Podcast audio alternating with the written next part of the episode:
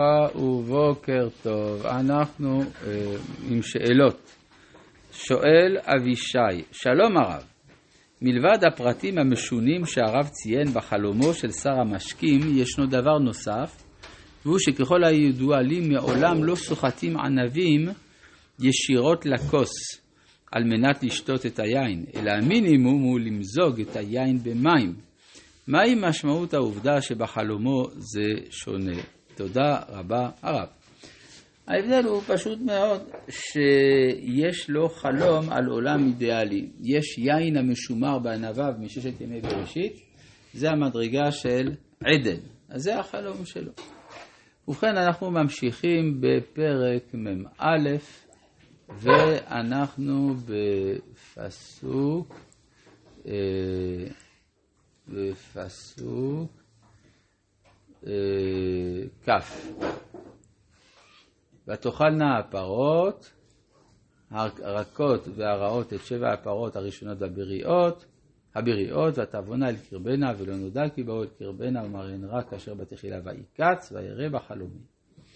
והנה שבע שיבולים עולות בקנה אחד מלאות וטובות, והנה שבע שיבולים צנומות דקות שלופות קדים סומכות אחריהן, ותבלענה השיבולים הדקות את שבע השיבולים הטובות, ואומר לחרטומים, ומגיד לי.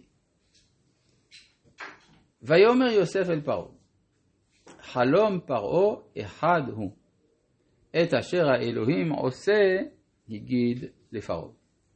קודם כל יש לנו אה, כמה סימנים לחלום אמת.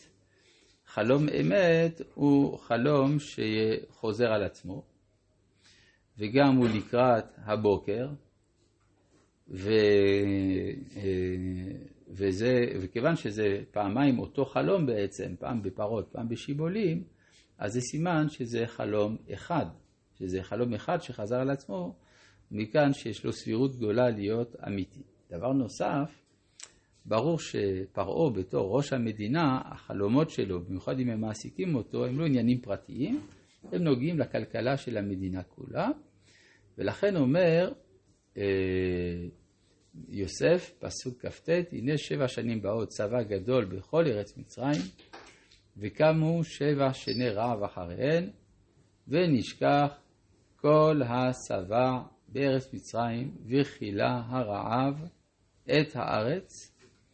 זה כנגד אכילת שבע הצנומות על ידי השמנות, ולא יוודע השבע בארץ, ולא נודע כי באו אל קרבנה, מפני הרעב ההוא אחרי כן, כי כבד הוא מאוד, אה, ועל ישנות החלום אל פרעה פעמיים, כי נכון הדבר מעם האלוהים, וממהר האלוהים לעשותו. עכשיו, לכאורה הדבר הזה הוא פשוט, הוא מובן מאליו, כפי שאמרנו, זה חלום שכל ילד היה יכול לפתור ואין פותר אותן לפרעה, אז הסברנו בגלל שזה דורש איזשהו שינוי בתפיסה המצרית, שבתפיסה המצרית לא ייתכן רעב במצרים, והנה, מגיע הרעב. זה דבר שהחרטומים אינם יכולים לצפות. עכשיו, כאן יוסף מוסיף דברים שלכאורה לא ביקשו ממנו. לא ביקשו ממנו לדבר, ופתאום הוא מקדם את העניינים הפרטיים שלו, ועתה ירא פרעה איש נבון וחכם, וישיתהו על ארץ מצרים, וכולי. זאת אומרת, כאן הוא מתחיל עם העצות שלו. מי ביקש ממנו לדבר? לכאורה זה חוצפה, לא נתנו לך, לא ביקשו ממך, אז מה אתה מדבר? אלא שיוסף מבין שזה חלק מהחלום עצמו. החלום, כיוון שהוא מופנה אל פרעה, את אשר האלוהים הגיד לפרעה, לא הגיד לך סתם, הגיד לך כדי שתשנה משהו. אז כיוון שאתה צריך לשנות משהו, אתה צריך למנות פרויקטור, וזה חלק מן החלום. ויקבצו, אה, ויעשה פרעה ויפקד פקידים על הארץ, וחימש את ארץ מצרים, ובשבע שני הסבה. שימו לב שהוא חוזר ליעשה פרעה. לכאורה זה היה צריך להיות האיש שפרעה ימנה. אבל הוא זהיר, אם הוא יגיד שהאיש שפרעה ממנה הוא זה שיעשה את זה, פרעה לא יסכים, הוא יקנא בו.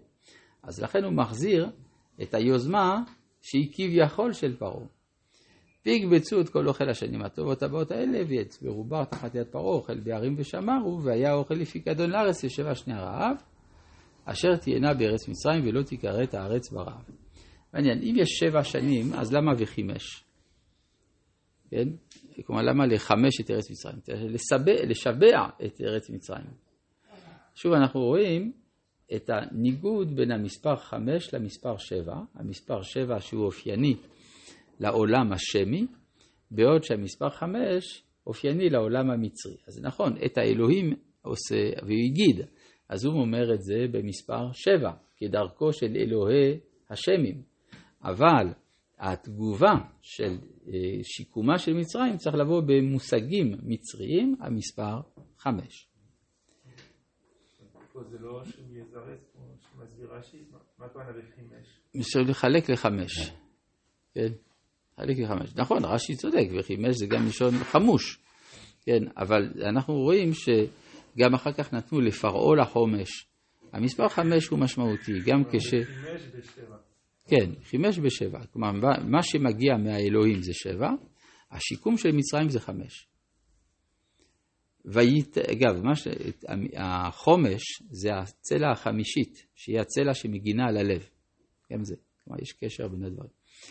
וייטב הדבר בעיני פרעה ובעיני כל עבדיו, ויאמר פרעה לעבדיו, הנמצא כאיש, כזה איש אשר רוח אלוהים בו. ויאמר פרעה אל יוסף, אחרי הודיעך, אחרי הודיע אלוהים אותך את כל זאת, אין נבון וחכם כמוך אתה תהיה על ביתי, ועל פיך ישק כל עמי, רק הכיסא אגדל ממך. זאת אומרת שזו עלייה מטאורית מה, מהבור אל רשות מצרים. ויאמר פרעה אל יוסף, ראה נתתי אותך על כל ארץ מצרים, ויסר פרעה את טבעתו מעל ידו, ויתן אותה על יד יוסף, וילבש אותו בגדי שש, וישים רביד הזהב על צווארו. טוב, כל הסימנים האלה, הטבעת והרביד, הם אה, אה, תכשיטים מצריים המורים על שלטון. אנחנו יודעים מהחפירות הארכיאולוגיות שהרביד היה חלק מהסימני המלכות. כן, הסימן העליון יותר של המלכות זה המטה. זה לא ניתן לו.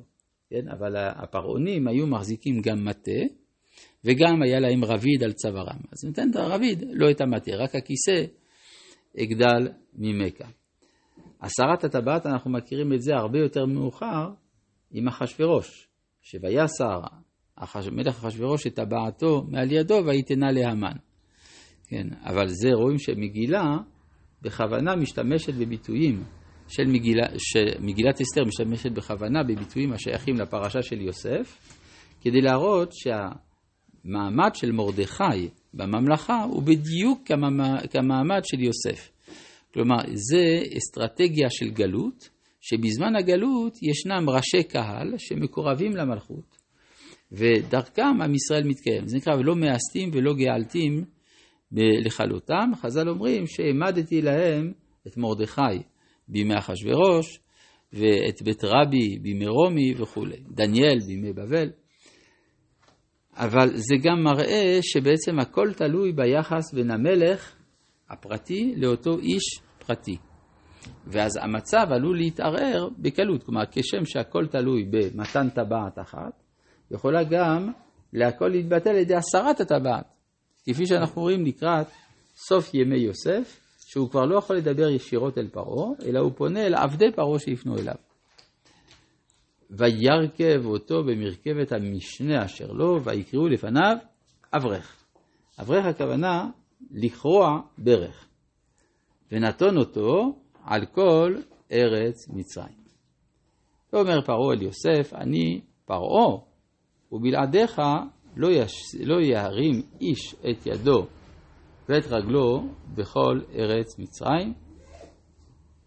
ויקרא פרעה שם יוסף צפנת ופרעה.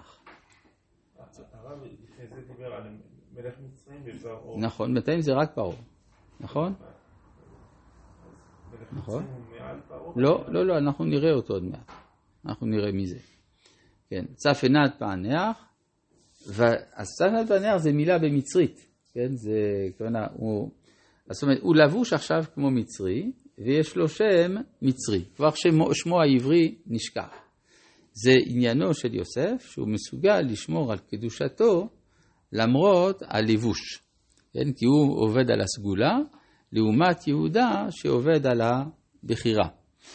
דבר שאם כן ייחודי ליוסף היכולת הזאת.